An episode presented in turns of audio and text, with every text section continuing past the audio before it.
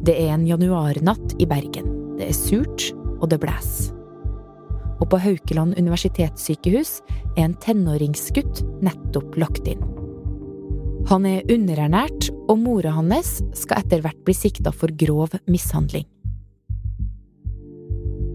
Barnevernet har blitt varsla om gutten. Flere ganger, men uten at det er fulgt ordentlig opp. Og det viser seg at det her ikke er den eneste saken. Statsforvalteren skal granske barnevernets rolle etter at en sjuåring i Bergen skal ha blitt mishandlet av faren sin. På vegne av Bergen kommune beklager jeg på det dypeste. Og med det her er det politiske kaoset i Bergen et faktum. jeg nå at jeg i neste bystyremøte vil melde om min fratreden som byrådsleder i Bergen.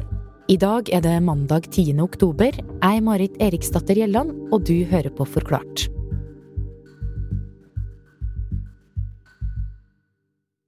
Bergen har blitt kasta inn i fullstendig politisk kaos. Det ble utløst av to veldig alvorlige enkeltsaker som handler om grov svikt i barnevernet. Men det har også et langt bakteppe der eh, feil i barnevernet skulle ha blitt rettet opp tidligere. Gerd Margrethe Kjellflot er kommentator i Bergens Tidende og en av programlederne i podkasten Nokon må gå. Saker om svikt i barnevernet i Bergen har stadig dukka opp i avisa hennes de siste årene. Det er rett og slett et tilbakevendende problem. Som i 2017, da bystyret bestilte en rapport fordi det kom inn så mange klager til barnevernet. Den kom i 2020. Fjellrapporten blir den gjerne kalt. Barnevernet i Bergen får skarp kritikk i en granskingsrapport som ble overlevert byrådet i dag. Eksternt utvalg har vurdert ti konfliktfylte saker, og slår fast at saksbehandlingen har vært for dårlig i ni av de ti. Det var en eh, gjennomgang av ti kritiske eh, barnevernssaker. Eh, ti saker som hadde vært konfliktfylte. Og rapporten var ganske knusende når den til slutt kom. Bergen kommune fikk krass kritikk i ni av de ti sakene. De fant mellom annet at det ikke var iverksatt noen undersøkelser for å sjekke om barn trengte hjelp, så sjøl når de eh, fortalte om djupt urovekkende ting, så ble ikke nok eh, gjort, og konkluderte med at det var en stor risiko for at barn kunne bli ignorert. Ja, så eh, allerede her i 2020 så ble Bergen kommune klar over at eh, ting ikke er sånn som det burde ha vært i barnevernet. Det stemmer. Det ble òg en stor politisk høring om dette ettertid, Så mener jeg at den som da var sosialbyråd, gikk ut og, og unnskyldte på vegne av Bergen kommune. Men den unnskyldninga, den skal ikke holde så veldig lenge. For historiene om to forskjellige gutter skal etter hvert skake byen. En av dem en tenåring. I januar 2022 så blir en tenåringsgutt lagt inn på Haukeland sykehus. Eh, Han er underernært.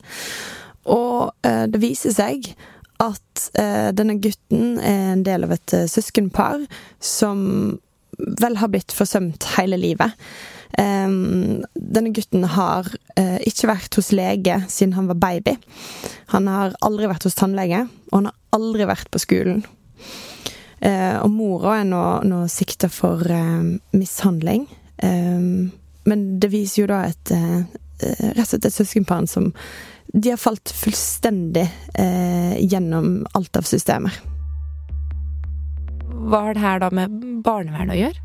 Barnevernet blir ganske raskt dratt inn i dette, for det viser seg at det har kommet bekymringsmeldinger om eh, disse søsknene som ikke har blitt fulgt opp. Er det her en glipp, da? Altså, byrådet lovte jo at de skulle rydde opp etter den her ganske knusende fjellrapporten. Ehm, og nå er vi to år etter. Eh, ble det egentlig noe bedre? Det er jo det spørsmålet alle har stilt seg i det siste i Bergen. Hva ble egentlig gjort eh, i ettertid? Og foreløpig har det ikke kommet noe overbevisende svar for at det i hvert fall er gjort nok for å sikre at eh, de feilene som nettopp ble advart om i fjellrapporten, ikke faktisk skulle skje. Altså, hvor alvorlig er det da? Hva er frykten? Frykten er jo egentlig akkurat det som, en, som har skjedd. At barn som virkelig, virkelig trengte hjelp, og som lider, ikke får det. og, bli, og, og, og lide mye lenger enn de hadde trengt å gjøre. Ja, for det kommer én rapport til. På våren 2022 så kommer det enda en rapport, denne fra Deloitte, som har gått gjennom barnevernet i Bergen. Og også den konkluderer med at det er store feil og store mangler. Veldig mye av det samme som ble trukket fram i Fjell-rapporten. Eh, og peker også på at det er eh, stor utskiftning blant de ansatte. De føler ikke at de har kapasitet til å få gjort jobben. Det er veldig mange som slutter. Og den advarer egentlig om mange av de samme tingene som Fjell-rapporten. At dette her kan få alvorlige følger, og at barn kanskje ikke blir, eh, blir fanga opp når de trenger det. Og hadde historia bare slutta her? Men det gjør den ikke. For det er nemlig én gutt til, en sjuåring, som snart skal bli umulig å overse.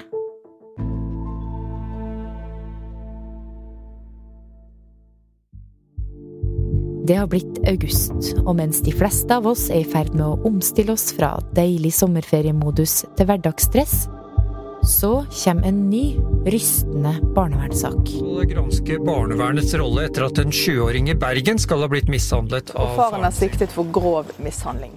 Den 7. august så blir politiet i Bergen kontakta av en mann. Eh, han forteller at han har eh, blitt oppringt av en venn, dratt hjem til han og funnet en gutt som er sterkt mishandla. Uh, og varsla altså politiet med en gang, som uh, dette utløser en stor aksjon, der politiet tar seg inn i denne leiligheten. Og det de finner nå, det er så grovt at politifolkene de må få oppfølging i etterkant. Hva er det de finner? Der finner de en syv år gammel gutt som er fastbundet til senga si. Um, han er hardt skadd. Han skal ha, ha, skader over hele kroppen, være blodig, og det er helt tydelig at dette er en veldig grov sak. Og så viser det seg i ettertid at kanskje kunne mye av det vært unngått. Og hva skjer etterpå? Etter noen dager så blir det oppretta granskning med hva rolle barnevernet har hatt også i dette. Og um, så kommer eh, en tilsynsrapport som viser at faren, som nå er sikta for grov mishandling av sønnen sin, tok kontakt med barnevernet 32 dager før. Så han har bedt om hjelp og bistand, men det skjedde aldri noe. Han ble møtt med en oppfølgingssamtale. De prøvde å finne eh, leiligheten for å, for å dra på besøk, men de fant ikke leiligheten. Så da utsatte de det og ga opp. Og etterpå så skjedde ingenting før politiet til slutt ble varsla og fant gutten. Mm. Og eh, hvordan svarer barnevernet på det her, da? De har, de har egentlig offisielt ikke svart det ennå. Um, men det er tydelig for absolutt alle at her har de svikta fullstendig.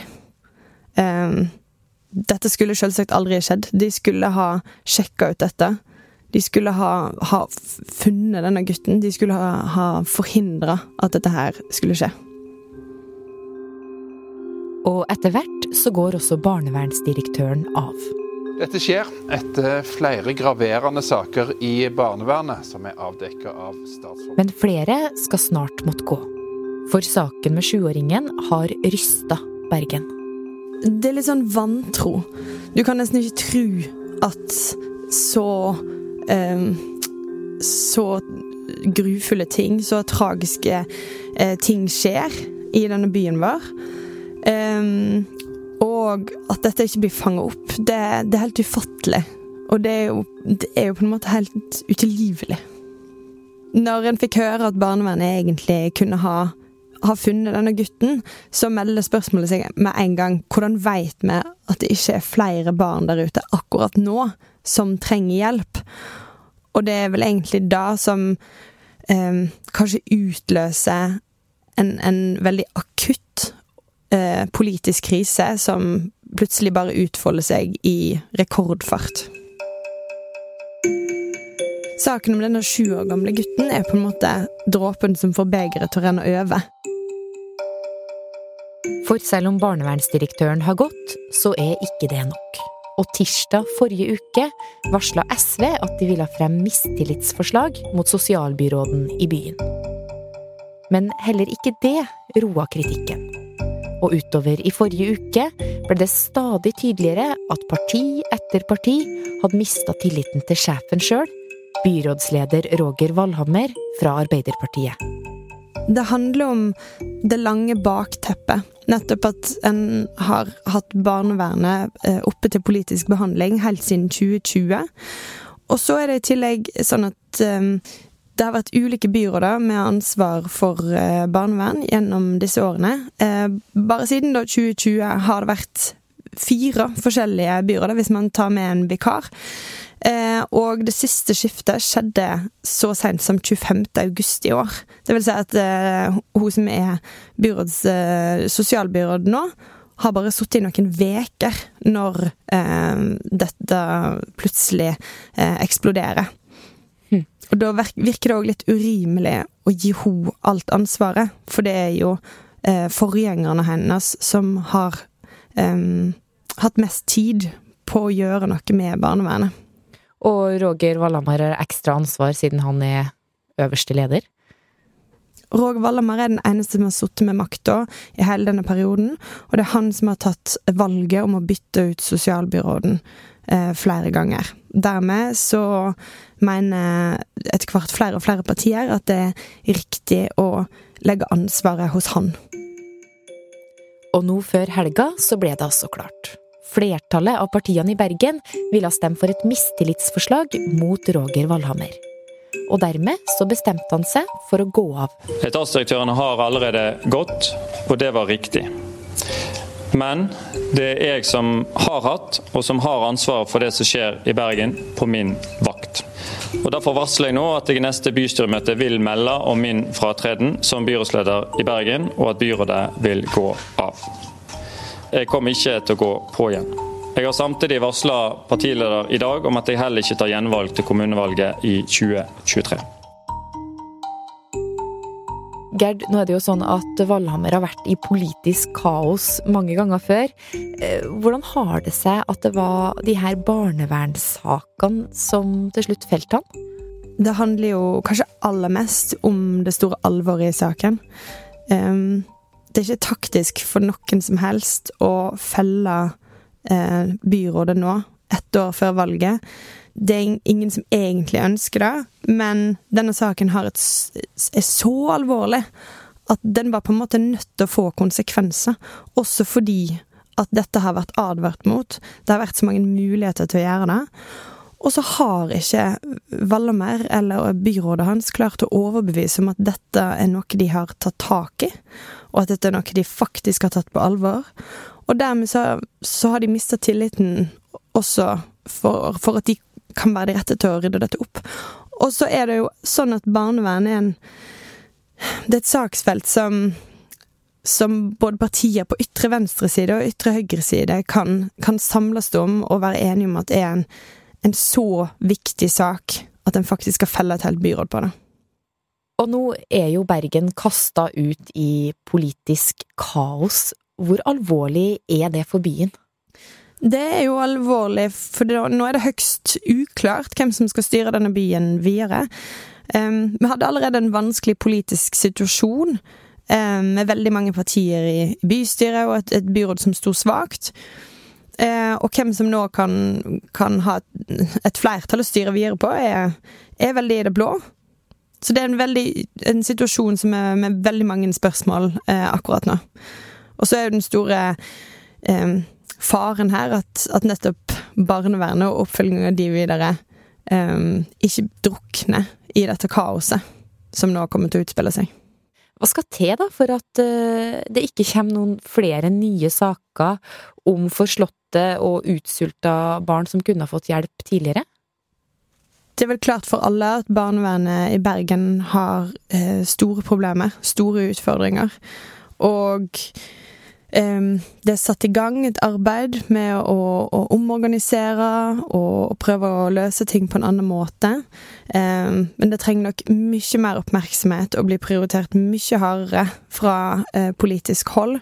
Så forhåpentligvis så vil hele denne eh, prosessen og disse enormt alvorlige enkeltsakene nå har gjort at barnevern faktisk er et felt som blir prioritert eh, framover. Som en ikke kan ignorere og, og, glemme vekk igjen.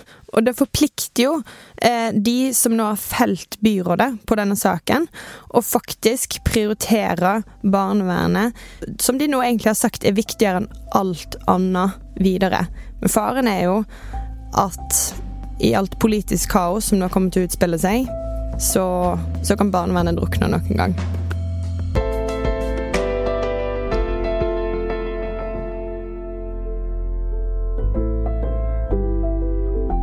Gerd Margrethe Kjellflot forklarte om barnevernssakene i Bergen, og hun er altså kommentator i Bergens Tidende. Lydklippene var fra NRK og VGTV. Episoden er laga av Anne Lindholm, Jenny Føland og meg, Marit Eriksdatter Gjelland. Resten av Forklart er Fride Næss Nonstad, Synne Søhol, David Vekoni og Anders Weberg. Not found. Hæ? Hva har de gjort? Altså, Du kan jo kjøre et reversal, da. Det du hører her, er folk som kjemper om å komme på det norske landslaget i cybersikkerhet. De er unge, og de bruker ord som steganografi, reversing og forensics. Man har egentlig veldig mye makt når man først kan cybersikkerhet og kan hacke det. Og det er de her som etter hvert skal passe på dataene dine, og på deg. Vi har mange millioner mennesker som går rundt med pacemaker eller insulinpumpe. Og hvis den kan hackes, så vil jo det gå veldig negativt utover mennesker. Hvordan går det når en gjeng cybertalenter som pleier å jobbe alene og på hver sin maskin, plutselig må samarbeide? Hør historien i Fortalt, en podkast av Aftenposten. Den finner du nå i Podme eller i Aftenposten-appen.